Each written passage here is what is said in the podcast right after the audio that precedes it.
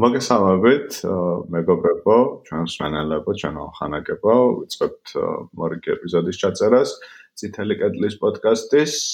დღეს ბრუნდებით ჩვენი სერიით, რომელიც შეეხება სამეზობლოს, წითელ სამეზობლოს. როგორც პირველი ეპიზოდი ქონდა თურქეთის შესახებ, მაშინ შეგვიძლია რომ გავაკეთებდით აუცილებლად ეპიზოდს სამხრეთის შესახებ და ვისაუბრებდით იმაზე თუ რა ხდება ახლა სამხრეთში პოლიტიკური, სოციალური, ეკონომიკური სიტუაცია. თუ ფიქრობ ძალიან მნიშვნელოვანია რომ კონდეს ხოლმე ეს დისკუსიები ზოგადად ქართულ მედიაში, მაგ განსაკუთრებით მარცხენა ფლანგზე, კონდეს კავშირები, კონდეს ურთიერთობა ჩვენს მეზობლებთან და რაც შეიძლება კეთილი კეთილ განწყობილი ურთიერთობა ერთმანეთის მიმართ.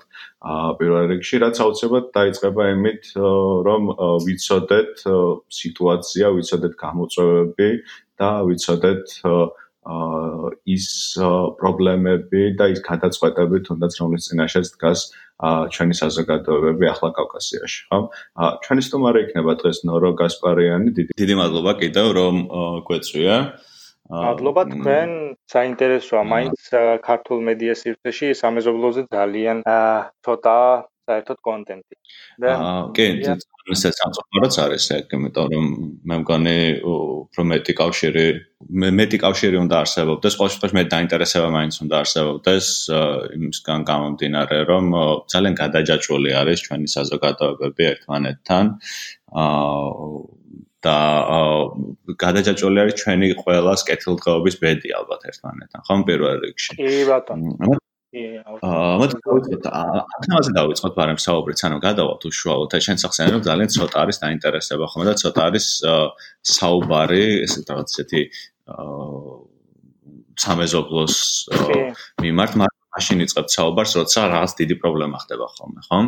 ან ხდება ან კონფლიქტი. ხშირად ხშირად ვხდებით მედია манипуляციის მსხვერპლი საქართველოში, იმიტომ რომ ინფორმაცია ის წყაროები, რომლებიც მეტნაკლებად სანდოა მასებისთვის, ხო? მედი ტელეარხები, რა ვიცი, გავლენიანი აა ონლაინ გამონცემები და ასე შემდეგ, ისინი ძალიან იშვიათად წერენ სამეზობლოზე, არა მხოლოდ აქ გულისხმობ სომხეთს, არამედ იგივე აზერბაიჯანს, რუსეთს განსაკუთრებით, იმიტომ რომ რუსეთზე საერთოდ არაფერი არ გვაქვს.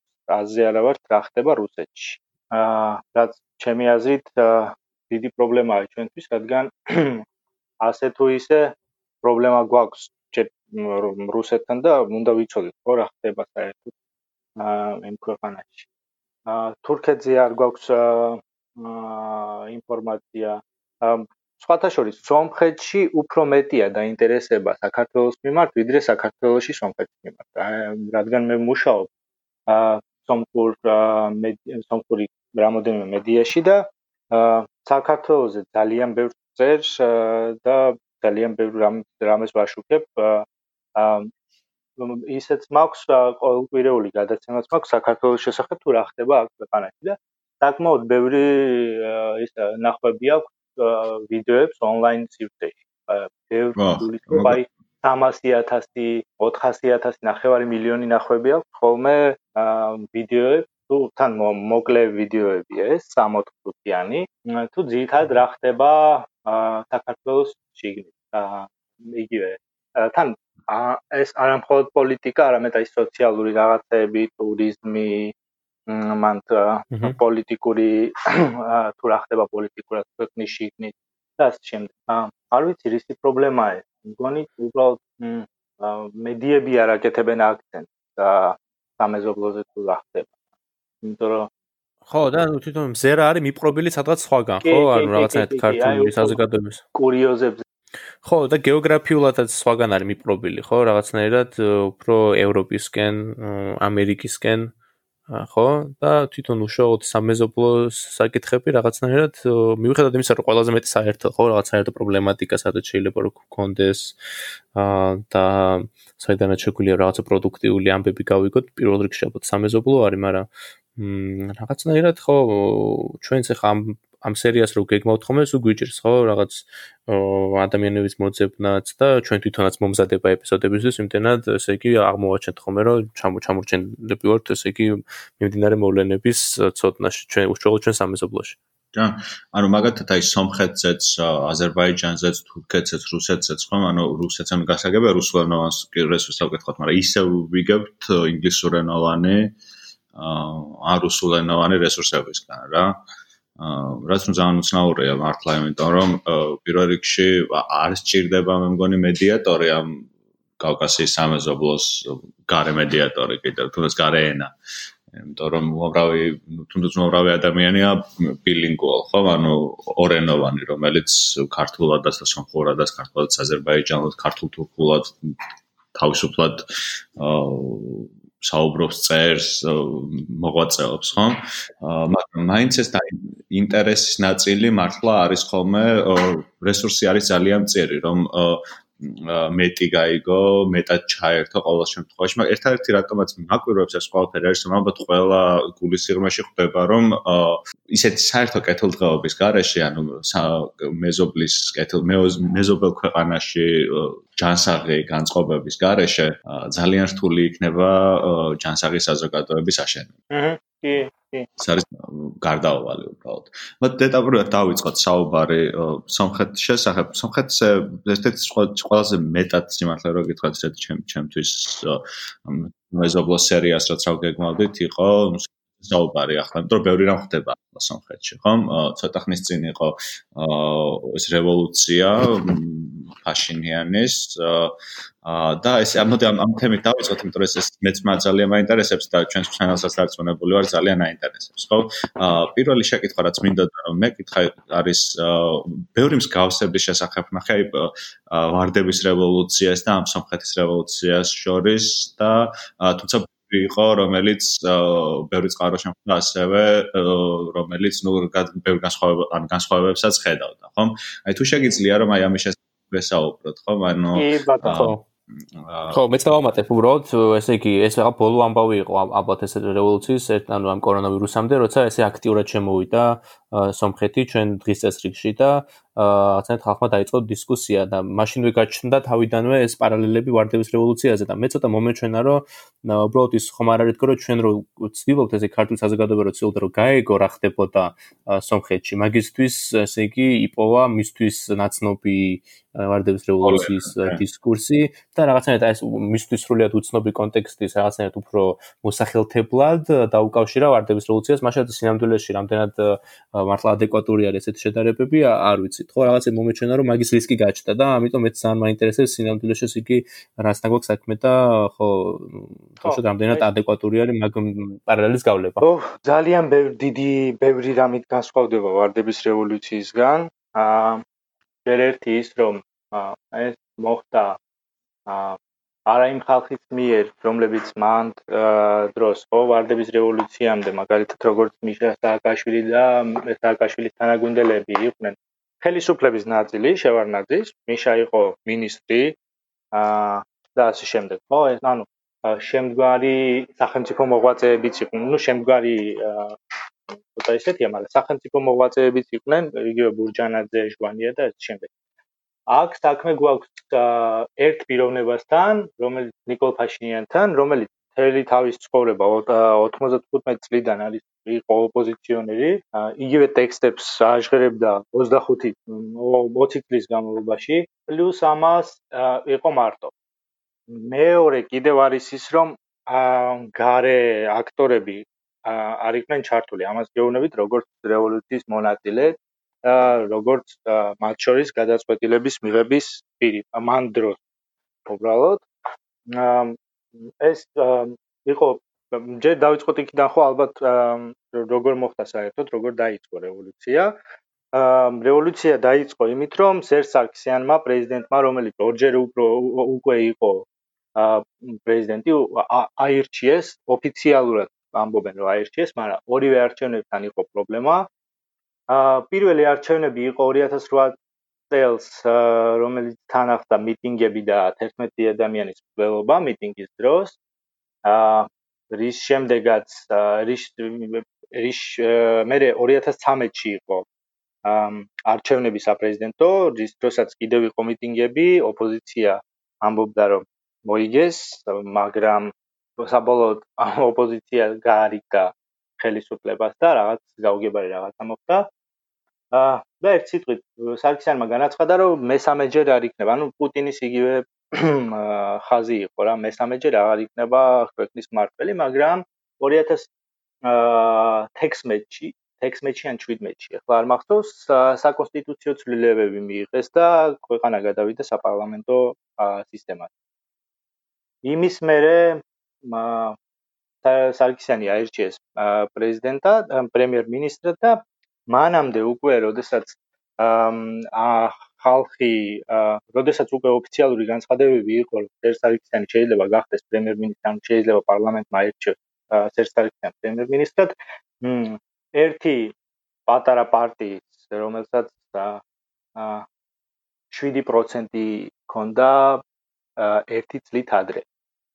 აა ლიდერმა نيكოლ ფაშინიანმა თქვა რომ მე სახშივე ვერ ვიჯდები და არ ვიცი რამდენად გამომივა, მაგრამ ვიწყებ ვიწყებ ცდილობას ჩრდილოეთიდან, ქვეყნის ჩრდილოეთიდან ერევნამდე და ჯერჯერობით არ იყო საუბარი რევოლუციაზე, ეს იყო რაღაც უბრალოდ პროტესტი და მგონი იმის იმედიც არ ქონდა რომ ამდენი ხალხი გამოვა ქუჩებში. მაგრამ გადამწყვეტი იყო აა 15 აპრილის თვალწები, როდესაც პოლიციამ ძალა გამოიყენა და იმის მერე ხალხი ესე გამოვიდა ქუჩაში და მოხდა ის, რაც მოხდა. ძალიან საინტერესო იყო მან დაფინანსების მომენტი, როდესაც ჩემ თვალწინ მე მაქვს ნახი, როგორ მოდიოდნენ მოხუცები, პატარა ბავშვები, ჩვეულებრივი ადამიანები და აი 1000 დრამით, რაც ჩვენი პულით არის 5 ლარი, 2000 დრამით ვიღაცა უფრო მეტი. აი ესეთი ფული ფულს აგროვებდნენ ადგილზე, რათა ჩვეულებრივად რუპორები და საჭმელი იყიდო. აა მსგავსება მათ შორის ვარდების რევოლუციასთან არის ის, რომ იყო თუ გახსოვთ კმარა. ხო, ჩვენთან იყო, მაგრამ რამდენად რელევანტურია, არ ვიცი, ამდენის პარალელები, მაგრამ ეს ხო იყო საერთოდ რაღაც სტუდენტური მოძრაობა. ერევნის რევოლუციის დროსაც სტუდენტებმა ძალიან დიდი როლი ითამაშეს, აა გადამწყვეტი როლი ითამაშეს შეიძლება ითქვას. აა ზუსტად 15 აპრილს, როდესაც ძალა გამოიყენა პოლიციამ, იმის მერე სტუდენტებმა ჯერ გამოვიდნენ გარეთ და დაიწყო უკვე ფართომასშტაბიანი ესეთი ძებობები მთელი ქალაქში და ქალაქი დაიკეტა ჯერ ყველა ქუჩა აი წარმოიდგინეთ. ესეთი შემთხვევაც იყო რომ მე-7 კლასის მოსწავლეებმა დაკეტეს სკოლის მოპირდაპირე ან სკოლასთან ახლოს ერთ-ერთ ქუჩა. აი მსგავს აა დონემდე იყო ჩართული მოსახლეობა. და აი თვითონ ესე იგი თვითონ უშუალოდ რევოლუცია როგორ მოხდა ამ პარალელების მიღმაც აი მას შემდეგ რაც მოყვა ხო დაუშვათ ის რეფორმები იქნებოდა თუ რაღაცა სახელმწიფო პოლიტიკის გადააზრება აი აქ თუ არის რამე პარალელების გავლება ადეკვატური. იგივე ეკონომიკური პოლიტიკაც საინტერესო იქნებოდა. აა ნახეთ თუ რევოლუციის აი ეს პერიოდი შეგვიძლია რაღაცნაირად მაინც შევადაროთ ხო? ნუ იქიდან რამოდენიმე პუნქტი ხო ესე ვთქვათ მაგრამ რევოლუციის მერე რაც მოვიდა ნიკოლ რაც ხელისუფლებაში მოვიდნენ საერთოდ სვანაირი პოლიტიკა ტარდება.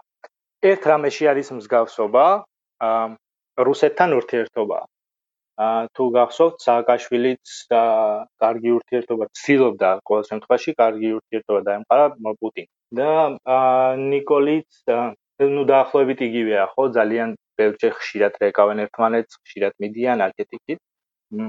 მაგრამ აა არ მოხდა აი ისეთი რეფორმები თუ გახსოვთ ჩვენ ჩვენთან საქართველოში მაგალითად პოლიციის აპოლიციის რეფორმა როგორ მოხდა უცებ ერთ დღეში 10000ობით პოლიციელი გახდა უმუშევარი. აა სომხეთში პოლიციის ყველა რეფორმა აბსოლუტურად უფრო ნელა მიდის ვიდრე საქართველოში ხდებოდა.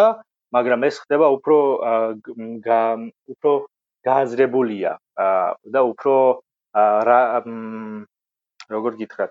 უფრო ისეთი ხო ხო ხო. უფრო ფიქრობენ რანაირად როგორ შეგვიძლია ამ ხალხის დასაქმება სხვაგან. ან როგორ შეგვიძლია ამ ხალხის ესე თქვა რეაბილიტაცია ხო იგივე პოლიციაში, ვინც მუშაობდა 20 წელი და კორუმპირებული იყო, როგორ შეიძლება ისე ვქნათ, რომ ეს ტიპი აღარ იყოს კორუმპირებული და აღარ მიიღოს თან, აღარ აიღოს. აა ხო, ანუ უფრო რაღაც სოციალური მდგომარეობა არის მაგალითად. ხო, ხო, ხო. კი, საერთოდ სომხეთში ჩვენთან შედარებით ყოველ შემთხვევაში აქამდე სოციალური და მემარცხენე მიუხედავად იმისა, რომ აი ესეთ კლასიკური მემარცხენე აა პოლიტიკური ძალა არ არსებობს საერთოდ. აა ხო, ახლა გამოჩნდა ერთი პარტია, მაგრამ ნებისმიერ თუნდაც ლიბერალურ პარტიებს ჰქონდათ მემარცხენე ესეთი რაღაცეები, იმიტომ რადგან საზოგადოება აქვს ეს მემარცხენე იდეოლოგი მემარცხენე რაღაც მაგალითად აქამდე იყო პროგრესული საგადასახადო სისტემა. აა ძალიან უამრავი სოციალური პაკეტები არსებობს სამხრეთში, რაც ჩვენთან არ არსებობს. და ასე შემდეგ. მაგიტომ და ამ ამ პოლიტიკასთან მიმართებაში როგორ იქცევა დავშოთ ფაშინიანის ფაშინიანის თავრობა ცოტა გაურკვეველია, რადგან თვი თავიდანვე აცხადებდა, რომ მე ყველა იდეოლოგიის წინააღმდეგ ვარ, არ მჯერა რა რა რამე იდეოლოგია არსებობს 21 საუკუნეში და ესე ვთქვათ, უფრო, მაგრამ რო დავაანალიზოთ, უფრო ცენტრისტია. ცენტრიდან მარჯვნივ შეგვიძლია ვთქვათ ცოტა. ა გაუქმა გაუქმა პროგრესული საგადასახადო სისტემა. ა ეხლა ა ბა ეკონომიკური ესეთი იდეოლოგია არ აქვს მაგრამ ა ნიკოლ ფაშინიანმა ა თქვა ესეთი რამ რევოლუციის მერე რო ეხლა უნდა მოხდეს ეკონომიკური რევოლუცია. რაც აა დაკავშირებულია نيكოლის აზრით, ხო, ინდივიდია ინდივიდუალიზმთან, ანუ თითოეულმა ადამიანმა უნდა მოახერხოს და მოახდინოს ეს რევოლუცია თავის საქმეში და თავის სფეროში. ამ ეს ცოტა მემარჯვენეობისკენ მიდის მგონი. სხვა ხო, რეფორმები, როგორც გითხარით, ისეთ ძალიან სწრაფი ტემპებით არ ხდება. მეორე კიდევ რაც ქონდა ჩვენ ვარდების რევოლუციის მერე იყო პრივატიზაცია. ანუ პრივატიზაციის პრობლემა იყო ბენთუკიძე როგორც გახსოვთ ხო სულის თუ სინდისის გარდა ყველაფერი უნდა გავფრთხილოთ თუ როგორ თქვა სომხეთში უბრალოდ ეს უკვე მოხდა 90-იანებში ეს ყველაფერი პირველი პრეზიდენტის იდეოლოგია იყო ლიბერალ ნეოლიბერალური იდეოლოგიის მატარებელი იყო პირველი პრეზიდენტის და ესეთ პოლიტიკური ძალა და 90-იანებში უკვე მოხდა ყველა თითქმის ყველა ობიექტის გასხვისება, პრივატიზაცია და ასე შემდეგ. ანუ ეხლა მაგ პრივატს განსხვავდება რა თქმა უნდა ფაშინიანის და სააკაშვილის თავრობები. ყავს ფაშინიანს დაახლოებით ბენდუკიძის ტიპაჟის ეკონომიკური მრჩეველი ან ეკონომი არა, არა. აა მან ჯერ ერთი მსგავსი კალიბრის ადამიანით არ არის, ხო, ბენდუკიძე რამდენად მოუგდონთ არ მოუგდონთ მეორე თემა, მაგრამ ბენდუკიძეს მაინც ჰქონდა ხო? რაღაც კალიბრი და აა მსგავსი არავინ არ არ ყავს აფაშინიანს ეკონომიკურ ეკონომიკური გუნდში. არიან ახალგაზრდები, არიან ძველი ხელისუფლებიდან ვინც ასე ვთქვათ გადავიდა ახალ ხელისუფლებაში და ასე შემდეგ. მაგრამ გვეთრათ ესეთი რომ გითხრათ რომ ფაშინიანს აქვს აი ესეთი კონკრეტული ხაზი ეკონომიკის მიმართულებით არ არსებობს. ეკონომიკური ლიბერალიზაციის ამ ასე ვთქვათ ნეოლიბერალურ მოდელს რომელსაც ატარებს არის ო ეს ძალიან ისა კარგია ეს ყველაფერი. ინტერესო რამ რამ თქვი აი ამაზე როცა ამბობდი მემარცხენე სენტიმენტის შესახებ, რომელიც არსებობს, ხომ, საზოგადოებაში. აა თვლი რომ აი ეს სენტიმენტი საბოლოო ჯამში შესაძლებელია აღმოჩნდეს აი თუნდაც ასე ვთქვათ ამ მემარჯვენე რეფორმისტულ პოლიტიკაზე ძლიერი და შეუნარჩუნოს რაღაც სოციალური გარანტიები სამხურ საზოგადოებას. თუ თუ ფიქრობ რომ ეს რევოლუცია როგორც საქართველოში მაგალითად მოშლის ამ სოციალური ბენეფიტების სოციალური შეღავათების და საზოგადოებრიობის რაღაც გარანტიებს და გახდის უფრო მეტად ამ ანტრეპრენუარულს ატომიზირებულს და უფრო მეტად ასე ვთქვათ ეკონომიკურად ლიბერალს. კი, ძართული კითხვა მართლა, იმიტომ რომ აა მართლა ძლიერია ეს სენტიმენტები, სენტიმენტები, მემარცხენე სენტიმენტები აა და ხალხი აა ასეთ მემარჯვენე პოლიტიკას ხდება ცოტა შეგვიძლია ვთქვათ აგრესიითაც კი. იგივე პრივატიზაციაზე ბევრი კამათი მიდის დღემდე აა წინა პირველ მთავრობასთან, სომხეთის პირველ მთავრობასთან აა და ამბობენ რომ აი მთელი ქვეყანა დაანგრიეთ და ასე შემდეგ. ცოტა რთულია მაგის თმა, რამდენად შეიძლება რომ ეს მემარცხენეობა უფრო დომინანტურ იმაში გადავიდე. მიუხედავად ასეთი სენტიმენტისა, არ ჩნდება ესეთი მემარცხენე ძალა, ხო? ანუ როგორც კი ერთი პარტია გამოჩნდა ბოლო პერიოდში. აა, ერთადერთი პარტია, ერთადერთი პარტია, რომელიც რეალურად არის მემარცხენე პარტია, არის ახალი პარტია, რაც რევოლუციის მერე დაარსდა არჩევნებში, ну, ის იყო არჩევნებში ძალიან ცოტა ხმა მიიღო, მაგრამ რამოდენიმე ასპექტთან იყო დაკავშირებული. ერთი რომ პოსტრევოლუციური არჩევნები იყო და თითქმის ყველა ხმა მისცა ფაშინიანის პარტიას. მან შემთხვევაში უფრო ანუ არჩევნები არ იყო იდეოლოგი იდეოლოგიების მხრივ არ იყო, ანუ ხმას აძლევდნენ არა იმისათვის რომ აი ვიღაც არის მემარჯვენე ან ვიღაცა მემარცხენე და ასე შემდეგ, არამედ ის რომ ვიღაც ტიპმა რომელიც პატარა ქალაქიდან მოვიდა ერევანში და 20 წელი ყვიროდა ერთი და იგივეს და აი ეს საზოგადოება ჩვენ არ გვესმოდა რას ყვირის და ვეძახდით ის იმან მოახერხა ის რომ დაამარცხა ეს მთელი ბოროტება და ეს მთელი სისტემა. მაგიტომ აა ხო, მაგიტომ არჩევნების აი როგორი იქნება შემდეგი არჩევნების დროს შედეგები, ეგ უკვე საინტერესო იქნება. აა მეორე კიდევ ის არის რომ როგორც ხოლმე ხდება მემარცხენე პარტიას არ ქონდა რესურსები.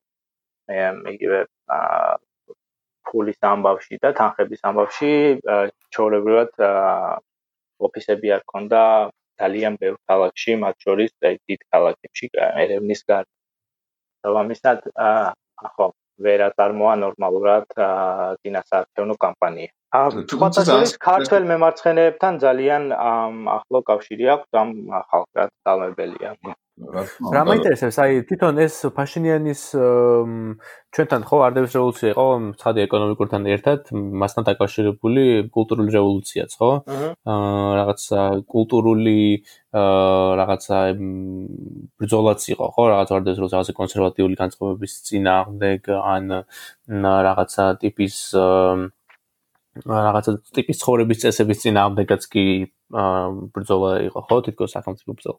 აი იგივე თუ არის ხა აქვს თუ არა თვითონ ერევნის რევოლუციას იგივე კონოტაცია და იგრძნობა თუ არა იქაც რომ რაღაცა ტიპის კულტურული ველზეც ხდება პარადიგმული რაღაცა ცვლილება ან ვიღაცები ცდილობენ მის გაკეთებას. ხო არის, მაგრამ არა იმ დონეზე რაც საქართველოსში ხდებოდა.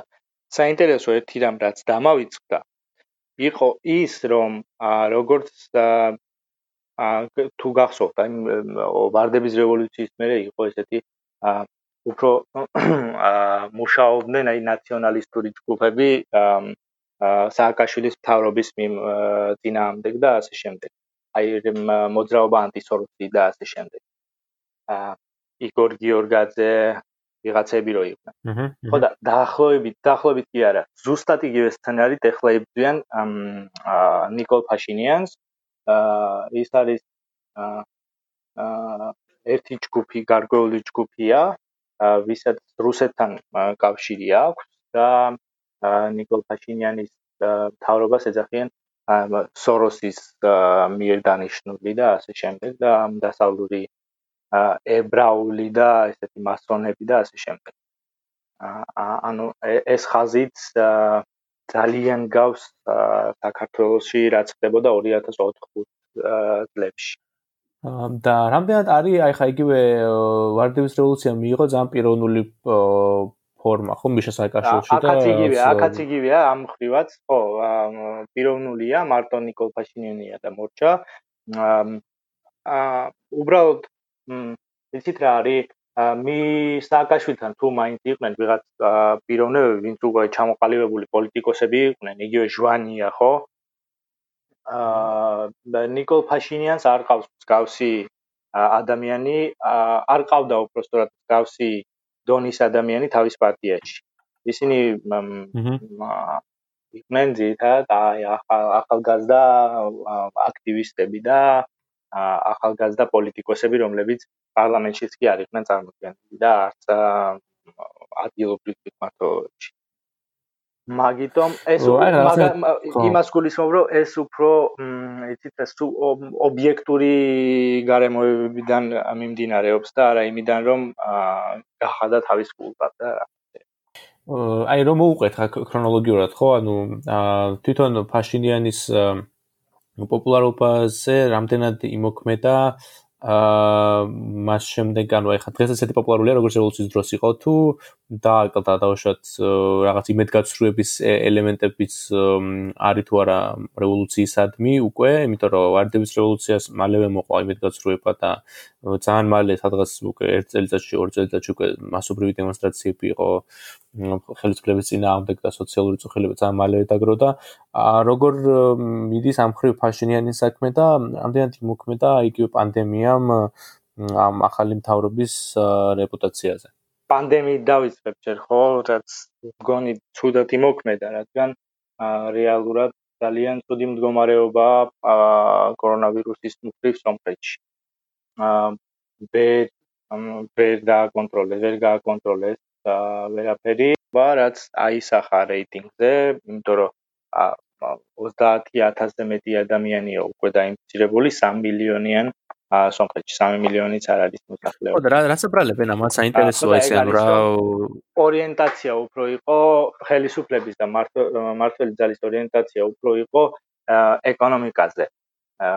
ძალიან ადრე გახსნეს ყველაფერი, მათ შორის კაფეებიც და რესტორნებიც და როდესაც ჩვენთან მანქანით აა სიარულით აკრძალული იყოს, მანქანით მოძრაობა აკრძალული იყო, სომხეთში გახსნეს კაფეები და ბარები და ასე შემდეგ.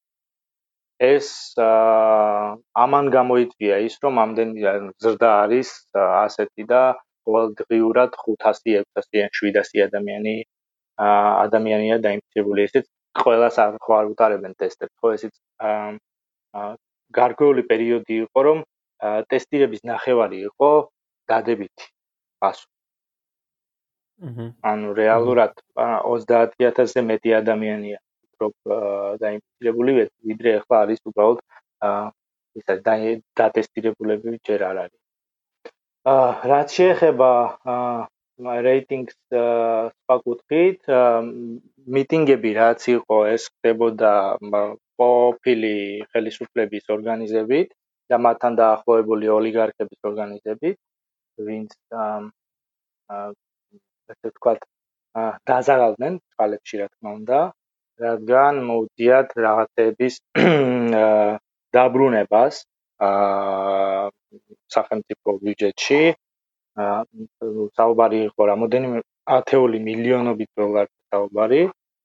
აა მეორე კიდევ ის არის, რომ აა გარკვეული პრობლემები იყო სასამართლო სისტემასთან დაკავშირებით, რადგან ყოფილი ხელისუფლება, როგორც პრინციპში ახლა ცდილობენ საქართველოსში ცდილობენ კი არა დანიშნეს უადოდ მოსამართლეები.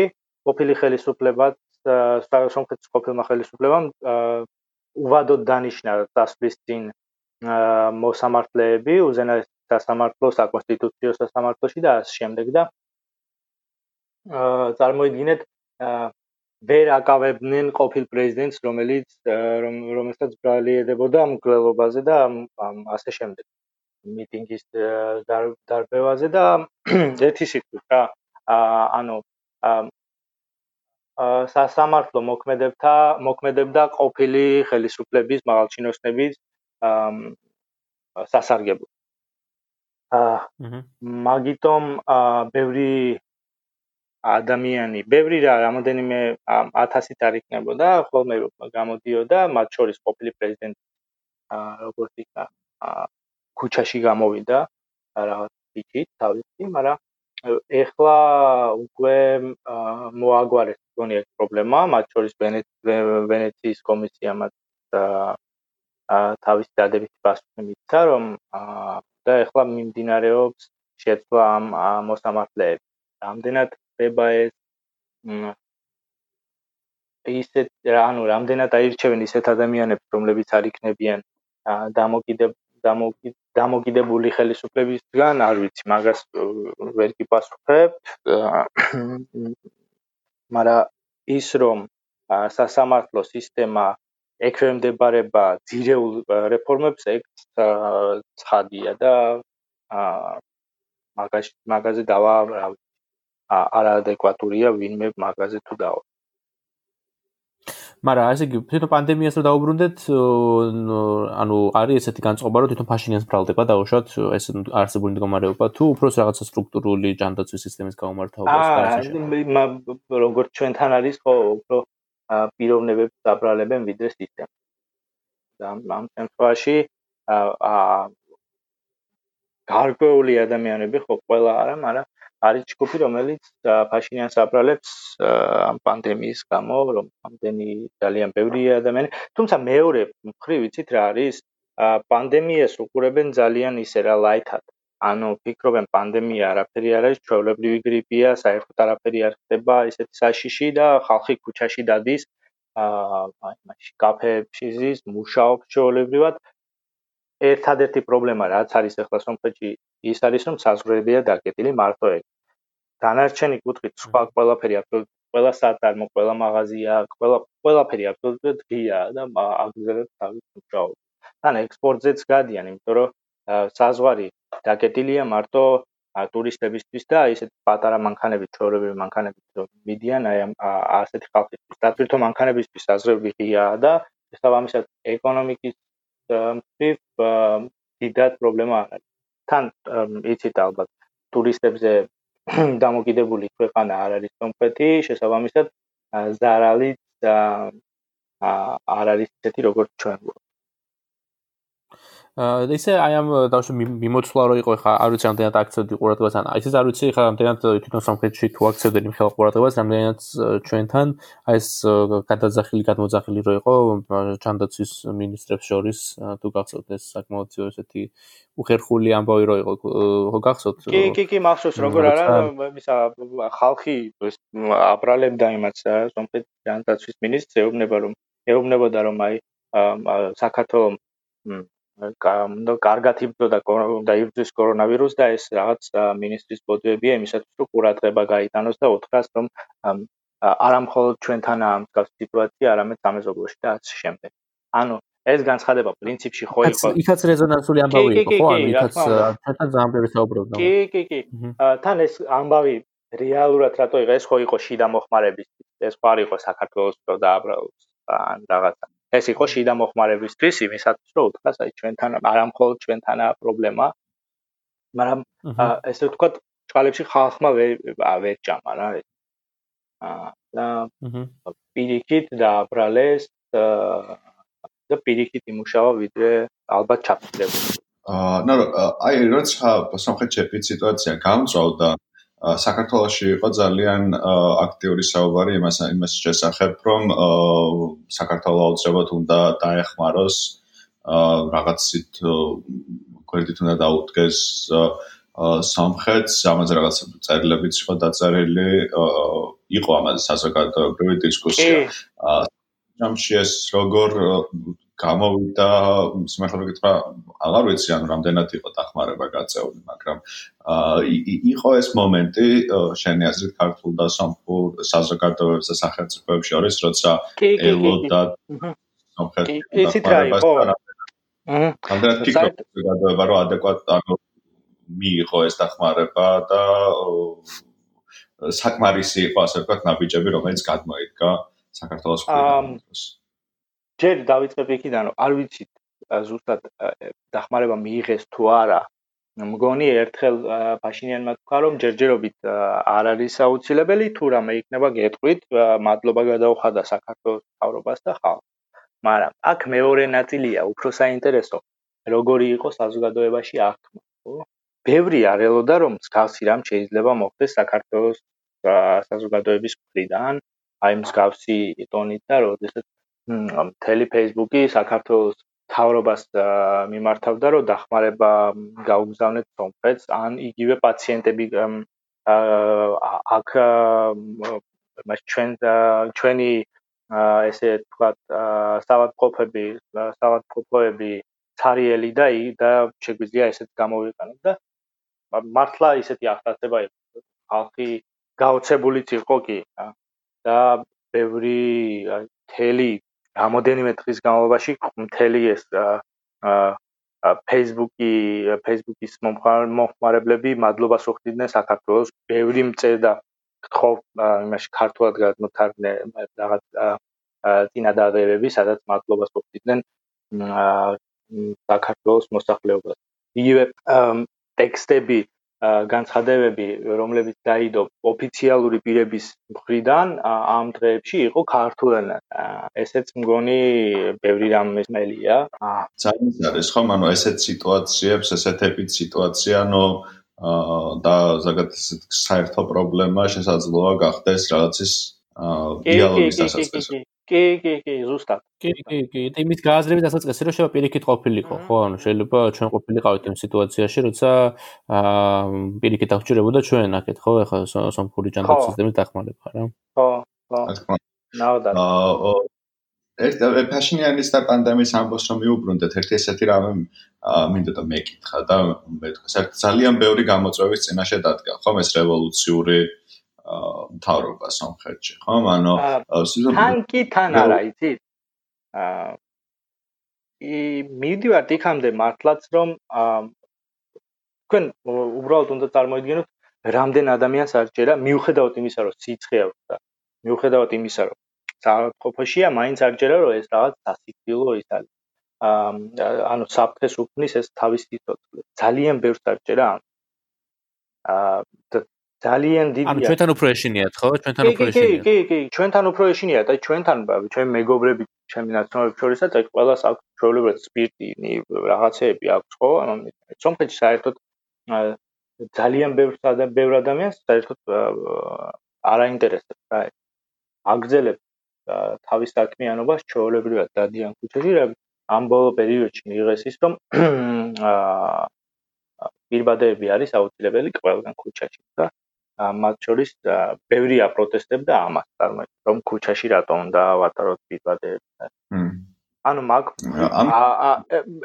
ესე ესე ვთქვათ რა რამდენად დააზარალა სომხეთის ხელისუფლებას პანდემიამ იმ მხრივ რომ აკური კუთხით ხალხი დაზარალდა და შესაბამისად ეკონომიკური კუთხით რაღაც პროტესტი არის, მაგას ცალსახად ვერავინ ვერ იცის. აა ერთი ამბავს კიდე გადავიდეთ მაშინ პანდემიის შემდეგ ბოლო პერიოდში რასაც კიდევ გახდა აქტუალური საქართველოში აა და კონტენ სოფლიოში აა სამხრეთ ეს კიდევ ერთი გამოწვევა არის ფაშინიანის პოსტრევოლუციური თავის, იმიტომ რომ ხო ბევრი რამე მოუწია, იყო იქ აქციები, იყო იქ ნუ ეს არჩევნები, შემდეგ პანდემია და ბოლოს გააქტიურდა კლავს სასაზღვრო სიტუაცია აზერბაიჯანთან, ხო?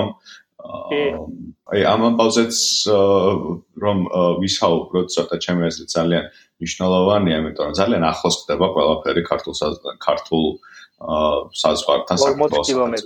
ძალიან ახლოს არის ყველაფერი. ამის გარდა აა რასაც ვამბობთ ჩვენს რასაც დავიწყეთ საუბარი და რასაც ნუ არა მარტო ჩვენ ბევრი ვინმე საუბრობს კიდე რომ ეს რაღაც მეზობლური ურთიერთობა რომელიც გვინდა რომ იყოს რეგიონში რომ ყველა ქვეყანა მიგ შეძლოს განვითარება ну ამისთვის ძალიან დიდი საფრთხე არის ეს თუნდაც ეს კონფლიქტი ხო?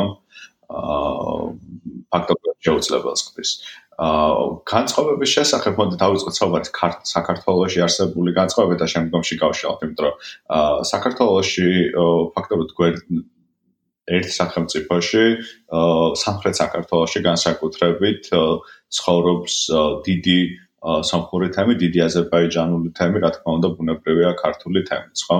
აა შენი აზრით რამდენად ახდენს ხოლმე ასეთი დაძაბულობები გავლენას აი ამ სენტიმენტებთან დაკავშირებით, რამდენად ახდენს ამაღაც ჯერ შიდა ქართული მეზობლობის პროვოცირებას და შემდგომში მთლიანად რეგიონზეც რომ ვისაუბროთ რა განწყობას ქმნის ეს დაძაბულობა მუდმივი და საბრძოლო სიტუაცია, რომელიც ნუ არ წყდება ფაქტია წლების განმავლობაში ხედავთ რომ ეს არის რაღაც ისეთი დენტის კასზე და ვზივართ მთელი რეგიონი მთელი სამოსავლო ხო მაგრამ ეს არის თემა ძალიან აა ეხლა რომ ნახოთ სოფლიოში რა ხდება რა ხდება საერთოდ სოფლიოში ახლა მოსკოვში, ლოს-ანჯელესში, საფრანგეთში, ბელგიაში და ასე შემდეგ სომხები და აზერბაიჯანელები ერთმანეთს ემენ. ეხლა ამ წუთას ორი დღე აქვს წერდება ვიდეოები, სადაც ჯგუფებად მიდიან და ჩხუბობენ ერთმანეთს ერთმანეთთან რა.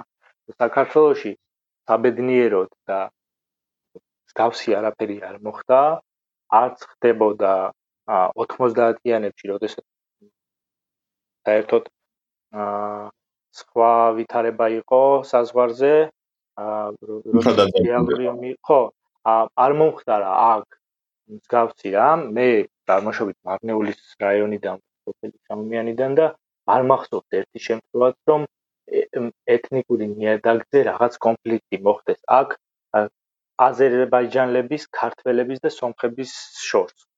სამივე ამ ჯგუფის წარმომადგენლების შორს არც ერთხელ არ მახსოვს რომ რამე ან ერთადერთი რაც მოხდა ეს იყო მხედრიონთან რაღაც შეტაკებები, მაგრამ ეს რამდენად იყო ეროვნულ ნიადაგზე მაგას რა თქმა უნდა ვერ ვიტყვით ხო? რადგან იგივე მხედრიონში ბევრი სომეხი და იგივე მხედრიონში ბევრი აზერბაიჯანელი აზერბაიჯანელი იყო. ეს ცოტა სხვა თემა. სხვა ეროვნულ ნიადაგზე იგივე ჩხუბები ან კამათი ამ რეგიონში არ მახსოვს საერთოდ. უბრალოდ არის გარკვეული ჯგუფი რომელიც ფინანსებს რომელიც ფინანსდება მარნეულის რაიონზე ვამბობ, რა თქმა უნდა, იგივე ჯგუფები არის სამცხე ჯავახეთში, რომელიც ფინანსდება სომხური რაღაცების მხრიდან, ხო, ვიღაც ტიპებისგან. მარნეულში არის ჯგუფი, რომელიც ფინანსდება სოკარის მხრიდან, რომელიც თუ გახსოვთ, რამოდენიმე დღის წინ მხარდამჭერი აქცია გამართა საზღვართან. და მხარდამჭერას უწოდებდნენ აზერბაიჯანს და ომში უნდა დაწესდა და ასე შემდეგ. ესეთ ჯგუფები წარსებობენ, მაგრამ საზოგადოება იმდენად ძლიერია და იმდენად მეგობრულია და იმდენად მართლა ინტეგრირებულია ინტეგრაციაზე რომ საუბრობ, აი მოხელეებს უნდა მოიყვანოთ მარნეულში და დავანახოთ, რამდენად ინტეგრირებულნი არიან ქართველები, აზერბაიჯანელები და სომხები ერთმანეთში. საერთოდ სხვა საზოგადოებაა, ვიდრე იმაზე რომ ვოცნებობთ ან იმაზე იმ საზოგადოებაზე, რაზეც მუშაობთ, რომ იყოს მსგავსი საზოგადოება. აა ხო, ძალიან საინტერესო თემია, საერთოდ ძალიან საინტერესო ხალხი ცხოვრობენ აქ. აა წარმოიდგინეთ, აზერბაიჯანელები უფროს თაობას ეხება. აზერბაიჯანელები იციან სომხური, აა სომხები იციან აზერბაიჯანული, დამავდროულად არიციან ქართული. რატომ ხდება ეს? იმიტომ რომ კავშირი ქონდათ, აა კავშირი არ ქონდათ ქართველებთან ისეთი როგორიც ჰქონდათ ერთმანეთში.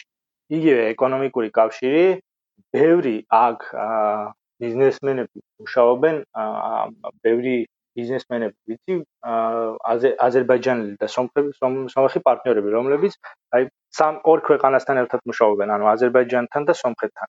ანუ იმას გულისხმობ, რომ აქ ცოტა რთულია იმის გაკეთება, თუნდაც ფულით დაფინანსებით და მთელი ეს მედია манипуляციებით იმის გაკეთება, რომ რაღაც კონფლიქტი გადმოვიდეს აქ ამ ტერიტორიაზე და ერთმანეთში დავიწყოთ ჩხუბი და ასე შემდეგ. გავსი რამ ხო ეს იცით სად ხდება ეს? შეიძლება მოხდეს უფრო სწორად იქ, სადაც კომუნიკაცია არ აქვთ ხალხს.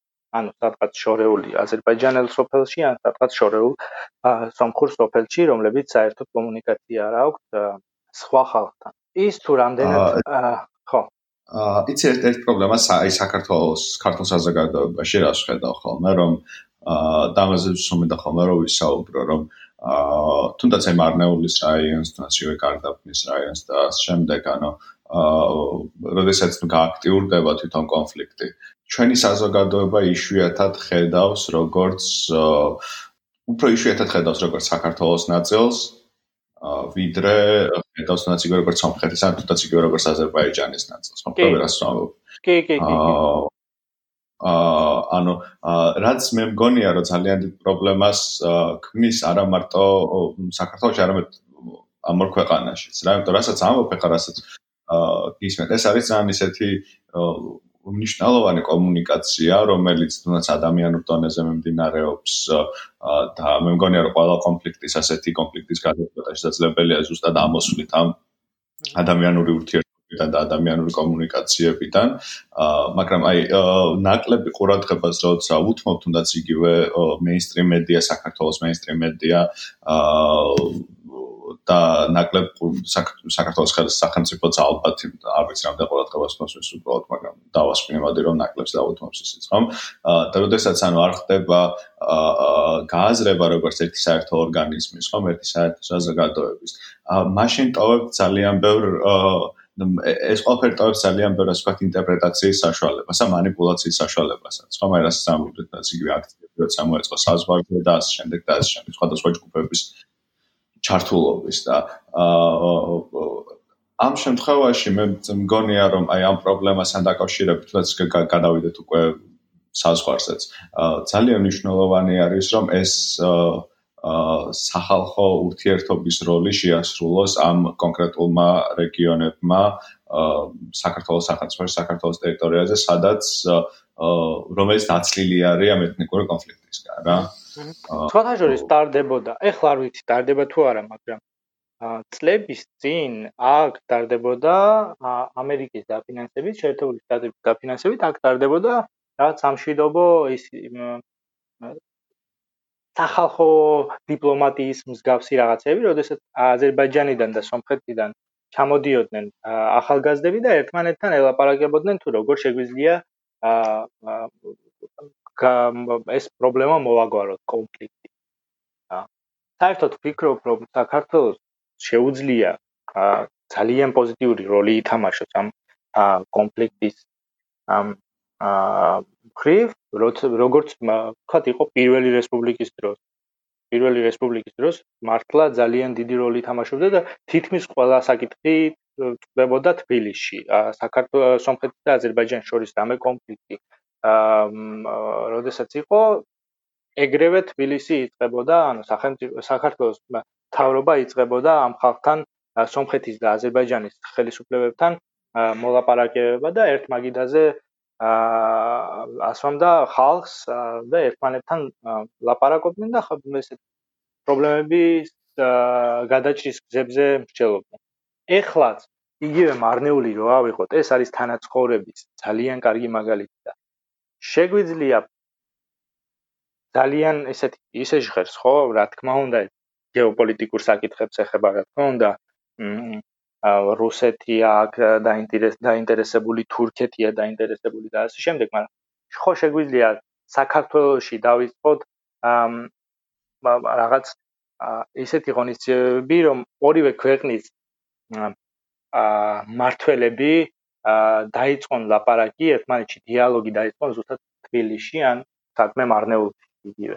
სადაც სომხები და აზერბაიჯანელები ერთმანეთთან ერთმანეთთან ცხოვრობენ ძალიან მშვიდად კონფლიქტების გარეშე, მეგობრულად, სადაც დადიან ახალ წლებს ულოცავენ აზერბაიჯანელები სომხებს და პირიქით ნოვრუზ ბაირამზე ჩვენ მივდივართ და ერთ იმაში აზერბაიჯანელებთან ფიქრობ, რომ კარგი იქნება თუ ამაზე დაიწყებს საქართველოს მთავრობა რაღაც და რაღაც ნაბიჯებს გადაგა. რამდენად შესაძლებელი არის აი ამ პროდუქტ რაღაცა პროდუქტიული როლის შესრულება მმ დაუშვათ აი ესეთი დაძაბულ ვითარებაში ან ხომ არ არის ხომ არ არის რა მოლოდინებია თუ იცი არ ვიცი ხა იგივე აზერბაიჯანის მხრიდანაც რა მოლოდინებია საქართველოს მიმართ და რა მოლოდინებია იგივე სომხეთის მხრიდან როგორ შევა საქართველო ამ პროცესებში. ხო ჩემი დაკვირვებით ხო ჩემი დაკვირვებით რაღაც ნეიტრალ ცდილობს რომ ნეიტრალური იყოს ხო რაღაც სახელმწიფო პოლიტიკა რაღაც ყოველთვის ჩემთვის ცხადი არ არის დრო რაღაცა რომელიმე მხარე ეჭიროს ქართულ სახელმწიფოს ან რომ თუნდაც ცადოს იქ მტყუარ მართალს გარჩევა ხო? რაღაც თითქოს დისტანცირებული არის და თავს იკავებს რაღაცა პოზიციების დაფიქსირებისგან ხო? ხონი ორი ამის გადაცემა იმისთვის ნათელია რომ თუ გადაწყვიტა სახელმწიფო რომ თუ გადაწყვიტა საქართველოს რომ უფრო აქტიურად ჩაერთოს და რაღაც უფრო მნიშვნელოვანი როლი შეასრულოს ამ რეგიონულ გეოპოლიტიკაში მოუწევს თუ არა მას რომ მაშინ რაღაცეებზე მკაფი პოზიციები დააფიქსიროს კიდევაც და რაღაცა რაღაცა ისტორიული ხარი დაიჭიროს. რატო ამბობ ეს იცით? ეს შესაძლებელია სომხეთში რევოლუციის მერე, რადგან რევოლუციის მერე ფაშინიანმა რა გააკეთა პირველი ოფიციალური ვიზიტი ჩამოვიდა საქართველოში და უთხრა ესეთი ძალიან კარგი ფრაზა რომ ჩვენი ურთიერთობა დაცლილია გეოპოლიტიკური გეოპოლიტიკურ ამბებით. ანუ ჩვენი ურთიერთობა მიუხედავად იმისა რომ საწინააღმდეგო ბანაკებში ვართ იმ ხრივ რომ სომხეთი ოდეკაბეს წევრია და შემდეგ საქართველოს კი უფრო ნატოსკენ და ევროკავშირისკენ მიდის ჩვენი ურთიერთობა არ არის დამოკიდებული ამაზე, ანუ გეოპოლიტიკურ თამაშზე. და შესაბამისად, გონი შესაძლებელია ამის გაკეთება, მაგრამ ერთი რამ დარწმუნებით ვიცი, რომ როგორც სომხეთისთვის, ასევე აზერბაიჯანისთვის ნათელია, რომ საქართველოს ამ კონფლიქტში არ არის მხარე. საქართველოს არის ნეიტრალური. ამ თან ეს აი 100%-ით ნათელია რა. საქართველოს არის აა ქვეყანა, რომელიც არანაირი ინტერესი არ აქვს ამ კონფლიქტში. თვითონ ამ კონფლიქტს ახლა ამ სასაზღვრო კონფლიქტს ახლა და ესეც მიხედავს რომ ისედაც 1000 რაღაცა ხდება საქართველოში. ამასაც რაღაც რაღაცა დაიკავა და მედია დღეს ეს რიგში ამამბობ მას თავის ადგილი. ოღონდ მიკუთხით რომ ხალხი ისეთი შეშფოთდა განცხადებებზე ეს ბირთვულ მეწამორის ატომურ სადგურზე და რაღაც აპოკალიფტური სცენარები დაიხატა მთელი რეგიონისთვის. რამდენად არსებობს ამ კონფლიქტის რაღაც მართლა სრულმასშტაბიან სამხედრო დაპირისპირებაში გადართვის შანს რისკი? არ ამგონია რომ რაღაც სერიოზული რამე მოხდეს. თუმცა განცხადებები 2000 თუ გახსოვთ 2016-ში იყო სადღაც 4 დღიანი ომი ყარაბაღში. მან შემთხვევაში უფრო სხვადასხვა იარაღი იქნა გამოყენებული, კალიბრიანი და ასე შემდეგ. ამ შემთხვევაში ბრძოლა იყო საზრის კონკრეტულ მონაკვეთზე და კონკრეტული პოზიციისთვის, როგორც ანუ კონკრეტულ ადგილზე, სადღაც ძალიან პატარა ადგილზე რა. უბრალოდ ეხლა ისმის ისეთი განცხადებები, აი როგორც ახსენეთ ეტამორი და ასე შემდეგ. ატომური განცხადებები ისმის ძალიან ცუდი. აა მაგრამ აა რამდენად ომში ომზე ლაპარაკი საერთოდ ჩემი აზრით არ არის სერიოზული და აა ის არის რომ ეს იყო უბრალოდ მორი განცხადება აზერბაიჯანის ხელისუფლებების მხრიდან. აა ბოდვა ჩვეულებრივ ხო? თუ აზერბაიჯანში მართლა ჩემი ეს სუბიექტური აზრია. აზერბაიჯანში ეხლა უფრო პოპულარულია ნიკოლ ფაშინიანი ვიდრე ილჰამ ალიევი. არა იმიტომ რომ ნიკოლ ფაშინიანია, არამედ იმიტომ რომ დემოკრატიასთან ასოცირდება, იმისად, იმიტომ რომ თავისუფალობასთან ასოცირდება და ასე შემდეგ. აა მაგ მხრივ კი აა თუ ნახავთ, მაგრამ თქვენ ახსენეთ ეს გამოწვევა შეიძლება იყოს ფაშინიანისტის ეს შეტაკებები და სროლა. აა მგონი პირიქით მოხდა და نيكოლ ფაშინიანის რეიტინგი გაიზარდა ამ კონფლიქტის მერე, რადგან თავსახად აი გამარჯვებულის პოზიციიდან შეიძლება ელაპარაკოს ახლა სომხეთმა. აა ამ კონკრეტულ აა იმას გულისხმობ შეტაკებებს გულისხმობ. აა ამბობდნენ რომ დაიკავეს ახალი პოზიციები, საიდანაც იბომბებოდა ადრე სომხური სოფლები, მეორე ის რომ ძალიან დიდი ზარალი მიაყენეს აზერბაიჯანის ამ თავდა თავდაცვის სისტემას, რადგან პირველად იყო ესეთი რამ პირველად იყო გამოყენებული ისრაელის მიერ მიწოდებული იარაღი ეს უპილოტო აპარატებს ეხება, სადაც მგონი სომხე სომხური მხარე აცხადებს, რომ გაანადგურა საერთოდ აა უპილოტო აზერბაიჯანის უპილოტო აპარატების 15%. ანუ ამ შემთხვევაში მაგიტომ რეიტინგზე თალსახად აისახა დადებითად რა. სომ ნიკოლ ფაშინიანი. თან არელოდნენ რომ იცით რა არის ეს არა იმიტომ არის რომ თქვა ძალიან ისეთი გამარჯვება და ასე შემდეგ, არამედ რაც ნიკოლ ფაშინიანი მოვიდა ხელისუფლებაში, გარკვეული ჯგუფები, მათ შორის წინა ხელისუფლება ამბობდა რომ ყარაბაღთან გვექნება ანუ ყარაბაღი ჩააბარებს აზერბაიჯანს და ასე შემდეგ. არ არის ჯარში ნამყოფიც არ არის და როგორ შეიძლება იყოს თავარსარდალი და ასე შემდეგ. ამ შეტაკებებმა დაგვანახა რომ უფრო სწორად დაანახა იმ ხალხს, რომ არ არის ვთქვათ ასე ის რომ მიუხედავად იმისა, რომ წარმოიდგინეთ კონკრეტულ მონაკვეთში, სადაც იყო ეს შეტაკებები, იყო ესეთი გენერალი ხაჩატუროვი. ამ ადამიანის ეს ადამიანის мама, ხაჩატუროვის мама იყო ოდეკაბეს თავმჯდომარე, რომელსაც დააკავა ნიკოლ ფაშინიანი წლების წინ. აა წელიწად ნახევრის წინ.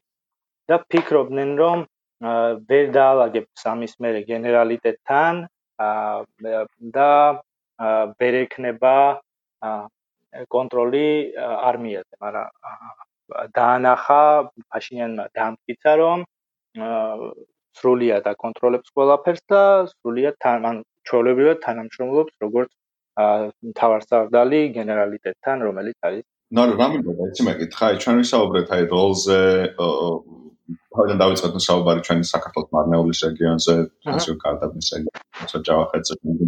აა საქართველოს როლზე როგორ ხედავს აა თავს სამხრეთ აზერბაიჯანი. ვიცი რა მაინტერესებს, თუნდაც კი კონკრეტულად მარნეულის საზოგადოება, საქართველოს მცხოვრები სომხები, ან თუ გაქვს ინფორმაცია საქართველოს მცხოვრები აა აზერბაიჯანელები, აა ისინი თუ განიცდიან ისინი თუ მოითხოვენ ასე ვთქვათ საქართველოს სახელმწიფოსგან რაღაც კონკრეტული მედიატორის როლის შესრულებას თუ არის ესეთი განწყობები ამ თემებში ხომ შენ აქტიურად ხარ დაკავშირებული თემთან მუშაობ მედიაშიც და ამ შემდეგ გონი კარგი იქნება რომ აა თუ თემში არის საქართველოსგან რომ აი იცით რაღაც ხდება არის კონფლიქტი და თქვენი საქმე არის, თუნდაც იგივე როგორც პირველი რესპუბლიკის დროს, როცა აა გამდით ნაბიჯებს და ცდილობდით თუნდაც ამ პრობლემის მოგვარებას, თქვენი საქმე არის, რომ ამ ყველაფერში ჩაერიოთ და მოაგვაროთ, ხო? სამწუხაროდ არის გავსი მოთხოვნა, სამწუხაროდ. ყოველ შემთხვევაში მასებისგან ან იმ ადამიანებისგან, ვისაც ვინც არიან თემის წარმომადგენლები. აა რა თქმა უნდა, წარმომადგენლები იმას გულისხმობ ლიდერები. მე პირადად პრობლემა მაქვს რომ იმასთან დაკავშირებით რომ არავის არ აქვს უფლება წარმოიდგინოს და ილაპარაკოს მთელი თემის სახელით, მაგრამ სამწუხაროდ ხდება მსგავსი რაღაცეები, გარკვეული ადამიანები ლაპარაკობენ თემის სახელით, ლაპარაკობენ იმას, რასაც არ არის შეთანხმებული თემთან და ხალხთან, ლაპარაკობენ ცუდ რაღაცებსაც მათ შორის, მათ შორის ყველას არ ეხება ეს რა თქმა უნდა, არიან ადამიანები, ვინც რეალურად ავტორიტეტი აქვს და რეალურად საუბრობენ თემის სახელით, ну თემის რა გარკვეული ჯგუფების სახელით, მაგრამ სამწუხაროდ ამ ეს მოთხოვნა არ არსებობს და გონი ამაზე ფიქრიც კი არ არსებობს. ამ ხალხისთვის საკმარისია ისიც, რომ საქართველოს ნეიტრალურ პოზიციას იკავებს და არ არ არის ჩართული არც ერთი მტრის სასარგებლო. რა რას ფიქრობ კონფლიქტის მოგვარებისთვის თუნდაც ანუ აი თუნდაც იგივე საქართველოს ამ მედიატორის ფუნქცია რომ იტვირთოს რამდენად მნიშვნელოვანია აი საქართველოს სომხური საზოგადოების და საქართველოს აზერბაიჯანის საზოგადოებისგან ესეთი მოთხოვნის არსებობა საერთოდ. ან თუ ფიქრობ, რომ რომ არსებობდეს ესეთი ის იქნებოდა მეტი, ასე ვთქვათ, ზეწოლა სახელმწიფოზე, რომ თუნდაც მეტად მოგვარებაში ყოფილიყო ჩართული და შესაძლებელია ეს კონფლიქტის მოგვარების საერთოდ პროცესისთვის კარგი ყოფილიყო, ხომ? ან შეიძლება ნუ საერთოდ ცუდი ყოფილიყო. შეიძლება კი, შეიძლება არა, ხო. აა მე მაგალითად აა საერთოდ არ ვარ მომხრე, როდესაც ამ ეროვნული უმცირესობები მარტო საუბრობენ იმ თემაზე, რაც აკავშირებს მათ ისტორიულ სამშობლოს. აა უფრო კარგი იქნებოდა თუ ეს თემა აა იქნებოდა დამოუკიდებელი იქნებოდა დამოუკიდებელი ქართველი თემისგან, ანუ უფრო არაეროვნული მცირესობებისგან ხო მან მაგ შემთხვევაში თან ეს უფრო იმას ხდის საქმეს უფრო სერიოზულად რადგან მაინც ეს ორი ეროვნული ჯგუფები ხო აზერბაიჯანელები და სომხები მაინც რაღაც კავშირები აქვს თავიანთ ისტორიულ სამშობლოსთან მაინც მაინც არიან მხარე რა. მიუხედავად იმისა რომ ეს ყოველდღიურობაში არაისახება და ერთმანეთთან არ ჩხუბობენ მაგრამ აი ემოციურად ხო რაღაც კავშირები აქვს იმ ქვეყნებთან საიდანაც ისტორიულ სამშობლოსთან მაგიტომ ხადია ხო, უკეთესი იქნებოდა თუ ეს იქნებოდა აი ყოველას ფრიდან რა, არა მარტო ქართულ საზოგადოების ფრიდან, არამედ ყოველას ფრიდან აა იყოს ეს ნაბიჯები. აჰა. საკუთარი დასწავლე პოზიცია არის შემოწ. აი ბოლოსკენ რომ წავიდეთ, მოდი იმ თემას დაუბრუნდეთ, როცა გაკრით ახსენეთ მემარცხენე ახალი მემარცხენე პარტია და ის რომ მათ აქვს კავშირები საქართველოს მემარცხენე ჯგუფებთან. აა თუ გაქვთ ინფორმაცია კონკრეტულად რა ესე იგი რა ტიპის ურთიერთობებთან გვაქვს საქმე და რამდენად არის ამ ურთიერთობებში პოტენციალი იმის რომ რაღაცნაირად ჩამოყალიბდეს მემარცხენე მყარი მემარცხენე კავშირები საზღვრის ორ მხარეს. ხო, აა კაი კითხვა, ჯერ ერთი აა ჯერ დასალაგებელი გვაქვს ის რომ ჩვენ საქართველოს შიგნით მემარცხენე ფლანგი აა ესეთი ორგანიზებული მემარცხენე ფლანგი არ გვაქვს სამწუხაროდ. აი ჩვენ გვაქვს ყავს მემარცხენე ადამიანები, რომლებიც აა მოქმედებენ ან თალთალკე ან რაღაც ჯგუფებად, ხო? ამ სომხეთშიც პრინციპში იგივეა. აა უბრალოდ ეს ერთადერთი პარტია, რომელიც ახალგაზრდებისგან შედგება ძირითადად, მათ შორის სხვათა შორის არიან ქართველი სომხებიც ლიდერებში, რომლებიც 90-იანებ 2000-იანებში გადავიდნენ სომხეთში. კი ქართველი სომხები მათ შორის ერთ-ერთი არის მარნეულიდან აა არა მაგ კი აა რომელიც არის პარტიის ლიდერი. აა კავშირი აქვს როგორც ვითარდა თალკე ჩქუბება აუდიტორია 15-თან იყო შეხვედრები ადრე იყო შეხვედრები აა ასევე გარკვეულ პოლიტიკოსებთან, რომლებიც მემარცხენე პოზიციონერება აქვს, აა და ასე შემდეგ, მაგრამ ეს შეხვედრები არ არის რაღაც ორგანიზებული სახე არ აქვს და კავშირებით მათ შორის. ეს არის უბრალოდ ეს აა მეგობრული, ნაცნობური კავშირები, როდესაც ჩამოდიან აქ თბილისში ხდებიან ერთმანეთს, ანუ დასასვენებლად რო ჩამოდიან რაღაცა და პირიქით აქედან საქართველოსდან რომ მიდიან სომხეთში, ესე ხდებიან, მაგრამ ეს ხდება არაორგანიზებულად და პრინციპში კარგი იქნება თუ დავაორგანიზებ და ორგანიზებულ სახეს მივცემთ ამ ყველაფერს რა. და კავშირებს ასევე კარგი იქნებოდა თუ აზერბაიჯანელი მემარცხენეები თუმცა აზერბაიჯანში ალბათ ცოტა რთულია საერთოდ ოპოზიციური პარტიის დაარსება და საერთოდ ოპოზიციური საერთოდ ოპოზიციონერად ყოფნა რა მაგრამ მაინც მემარცხენე ადამიანები რა თქმა უნდა არიან და იქნებიან და მგონი აქაც შეგვიძლია დიდი როლი ვითამაშოთ და დავიწყოთ ამ მემარცხენე ფლანგის შეხვედრები თბილისში სამბიო ქვეყნის. თუ მაინც და მაინც ვერ ვახერხებთ იმას, რომ ქვეყნის მართლობები, მართლ მართლები მოვიდნენ და დაიჭნენ ერთმაგიდაზე, შეგვიძლია უფრო იოლია ოპოზიციური მემარცხენე ფლანგის ადამიანებს შევახვედროთ. კარგი როლი შეგვიძლია ვითამაშოთ ამ ხრივ რა, თან ეს ინტერნაციონალიზმის მემარცხენეობაში და ასე შემდეგ აა უფრო იოლად გახდის საუბარს და უფრო შედეგიანი იქნება მგონი. აა ფიქრობ ხო ალბათ ამ ეთანხმები ამაზეც რომ ნიშნულოვანი როლი შეუძლია შეგვიძლია შევასრულოთ ქართულმა მემარცხენე ფლანგმა თუნდაც ის სამხურე მემარცხენე ფლანგის გაძლიერებაში და პირიქით სამხურე მემარცხენე ფლანგმა შეიძლება რა თქმა უნდა კი კი კი აუცილებლად აა საერთოდ ფიქრობ რომ ერთმანეთის გარეშე ვერ ვიარსებთ საერთოდ არა მარტო მემარცხენე ფლანგი არამედ საერთოდ სახელმწიფოების საზოგადოებები. მაგრამ განსაკუთრებით მემარცხენე ბლანკში ორივე ქვეყანაში სუსტია ორი ქვეყანაში ვარ ქვეყანაშივე ვარ არაორგანიზებული. და ამ შემთხვევაში ვფიქრობ, რომ კარგი იქნება თანამშრომლობა მემარცხენე პლანკ. აა, იმიტომ რომ სოციალური პრობლემები ძირითადად, ხომ ანუ პრობლემები, რასაც ჩვენ მე წარმომიდგენ შევა არასწორი ვარ შემისწორეთ ეს არის, ხომ ანუ მგონია რასაც გამ ძირითადი გამოწვევები რაც გვაქვს ახლა მემარცხენე მოძრაობებს დიდწილად შეიძლება ითქვას რომ იქნება დაკავშირებული ერთმანეთთან. დიდწილად კი არა, აბსოლუტურად დაკავშირებული. ხოლმე რომ ვკითხულობ მართლა გეუბნებით ამას ხუმრობის გარეშე, ხოლმე რომ ვკითხულობ სომხურ მედიას, ფიქრობ რომ აი საქართველოსზე ან პირი, ან იგივე Facebook Facebook-ს რო ვხსნი და რაღაც პოსტებს ვკითხულობ, ჩემი ანუ ძალიან გავს ერთმანეთს პრობლემები, აა სირთულეები, აბსოლუტურად ყველაფერი ერთი და იგივეა რა. და შესაძლებელია გადაწყვეტის გზებიც რა თქმა უნდა. ერთად მოძებნოთ.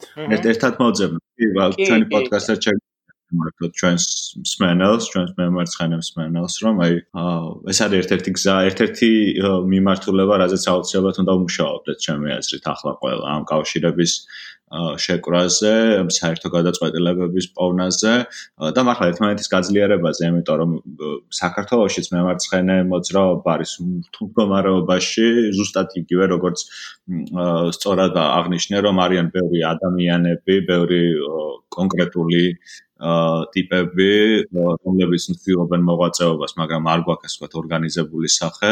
შესაძლებელია ასევე ბევრი ვისწავლოთ იმ ახალგაზრდული პარტიის გარემოსაც ნორასაუბრობ და რომელმაც მოახერხა რევოლუციის შემდეგ ორგანიზება და მარჩენებში მონაწილეობას, რაც სხვა შორის ერთ-ერთი ძალიან ეს განსხვავება თუნდაც ვარდების რევოლუციასთან. ვარდების რევოლუციის შემდეგ ეს არაფერი არ მოხდა რა. აა და ძალიან კარგი არის თუ ამ თუნდაც სახალხო რევოლუციამ შეძლო და გამოათავისუფლა ეს მემარცხენე ენერგია და ახალგაზრდა თაბაჯა. გოდიში, მაგრამ ამ ხალხს რაც აა ძალიან მომწონს აა შესაძლებლობა ჰქონდათ იყვნენ მინისტრები ან დეპუტატები მართლი პარტიისგან, მაგრამ აირჩიეს იდეოლოგიური გზა იმ პრივ რომ აა უთხრეს რომ ჩვენ იდეოლოგიურად განსხვავებული პოზიციები გვაქვს მართლ ძალას ფაშინიანის პარტიას. უთხრეს რომ მიუხედავად იმისა რომ ერთმა ერთად მოახერხეს რევოლუცია მაინც ბოლოს აღმოჩნდა ისე რომ აირჩიეს სხვა გზა და არ არიან ჩვეულებრივად ადამიანებისნაირად რომლებიც იბრძიან მარტო მანდატით აა ან თვითონაც რევოლუციური რევოლუციასთან ძალიან ახლო კავშირი მეგობრობდნენ და ეხლაც ცუდი კავშირი მიუხედავად იმისა რომ ბევრი კრიტიკა აქვს მართლ პარტიასთან მაგრამ მეგობრობენ ადრე უფრო ახლო მეგობრები იყვნენ და თუ ერთად აკეთებდნენ აქციებს და ასე შემდეგ. მაგრამ რევოლუციის მერე აირჩიეს სხვა გზა და მანდატისთვის არიწოდა არის თორე აა ხედავ პერსპექტივას მარტის მიმავალ შენ არა რა თქმა უნდა თუ კარგად იმუშავებენ და თუ ორგანიზებულები იქნებიან პერსპექტივა რა თქმა უნდა არსებობს იმიტომ რომ ამის მოთხოვნა არსებობს საერთოდ მემარცხენეობის მოთხოვნა სომხურ საზოგადოებაში მგონი უფრო მეტია ვიდრე საქართველოში ძალიან კარგი მოსასმენე არის. ნუ ცუდი მოსასმენე, იმიტომ რომ ჩვენ აბსოლუტურად პოზიციაში ვართ. მაგრამ ძალიან კარგია იმის მოსმენა და იმის გაგება, რომ შენი შეფასებით ჩვენს აა სამეზობლოში არსებობს ესეთი მემარცხენე სენტიმენტი. პირველ ძალიან მიხარია რომ არსებობს მემარცხენე ზალა, რომელიც ესეთი რამ ახლა არ მოხდა რა ვარდების რევოლუციის დროს ახლა რომ დავფიქრდი ძალიან კარგი იქნებოდა რომ ესეთი რამე მოხდარიყო მაშინ. რომ გამოყოფოდა თუნდაც სააკაშვილის მოძრაობას თუ იყო იქ მემარცხენე სენტიმენტის მქონე ადამიანები და ალბათ იყვნენ ვარდების რევოლუციის გარდა იყვნენ რა თქმა უნდა და დაეწყოთ თუნდაც ამ ტრადიციის მშენებლობა. აა მაგრამ სამწუხაროდ ესეთი რამე არ მოხდა. ძალიან მიხარია თუ ასეთ რაღაც ხდება. ძალიან საინტერესოა საერთოდ ეს პროცესი. და ძალიან ძალიან დიდი იმედი მაქვს რომ რა ვიცი პირადად მე დავიწყებ ძებნას ადამიანების და დაკავშირებას და მეტი უნდა ვისაუბროთ აუცილებლად ჩვენს პოდკასტში სამ კავშირებზე, რომლებიც უნდა გავაბად ჩემი აზრით რა. სიამოვნებით დაგეხმარებით, რითაც შეიძლება. კი, და იგივე მასალებით გვექნებათ რაღაც რაც შეგიძლიათ გაგვიზიაროთ და იგივე ჩვენს მერე გავუზიაროთ ჩვენ ჯგუფის წევრებს და იქ რაღაც დისკუსია გავაგრძელოთ, ძალიან გაგვიხარდება. ისე როგორც გაგვიხარა თქვენი სტუმრობა დღეს. აა და კიდევ ერთხელ ძალიან დიდი მადლობა რომ დაგვითმეთ დრო. პირიქით მადლობა თქვენ. ძალიან დიდი მადლობა ნორო, ძალიან საინტერესო საუბარი იყო და იმედი მაქვს ჩვენს მენელს ჩვენი მენელი იპოვის ბევრ ამას, რაზეც შეუძლია რომ იფიქროს, იმჩელოს და იმუშაოს პირველ რიგში, ხო? ანუ ერთი რაც ვიცით არის რომ უნდა დავიწყოთ მუშაობა აუცილებლად ორგანიზებული კავშირების გაძლიერებლად სამე ხამხანაგებთან, რომლებიც ახლა იგივე სირთულეების და იგივე პროცესებს გადიან როგორც ჩვენ. ძალიან დიდი მადლობა რომ მაგვისმენთ. ძალიან დიდი მადლობა ნორო და ცინცა რა თქმა უნდა ეს მადლობა. წარმატებები. ნახავთ ის კარგად მადლობა.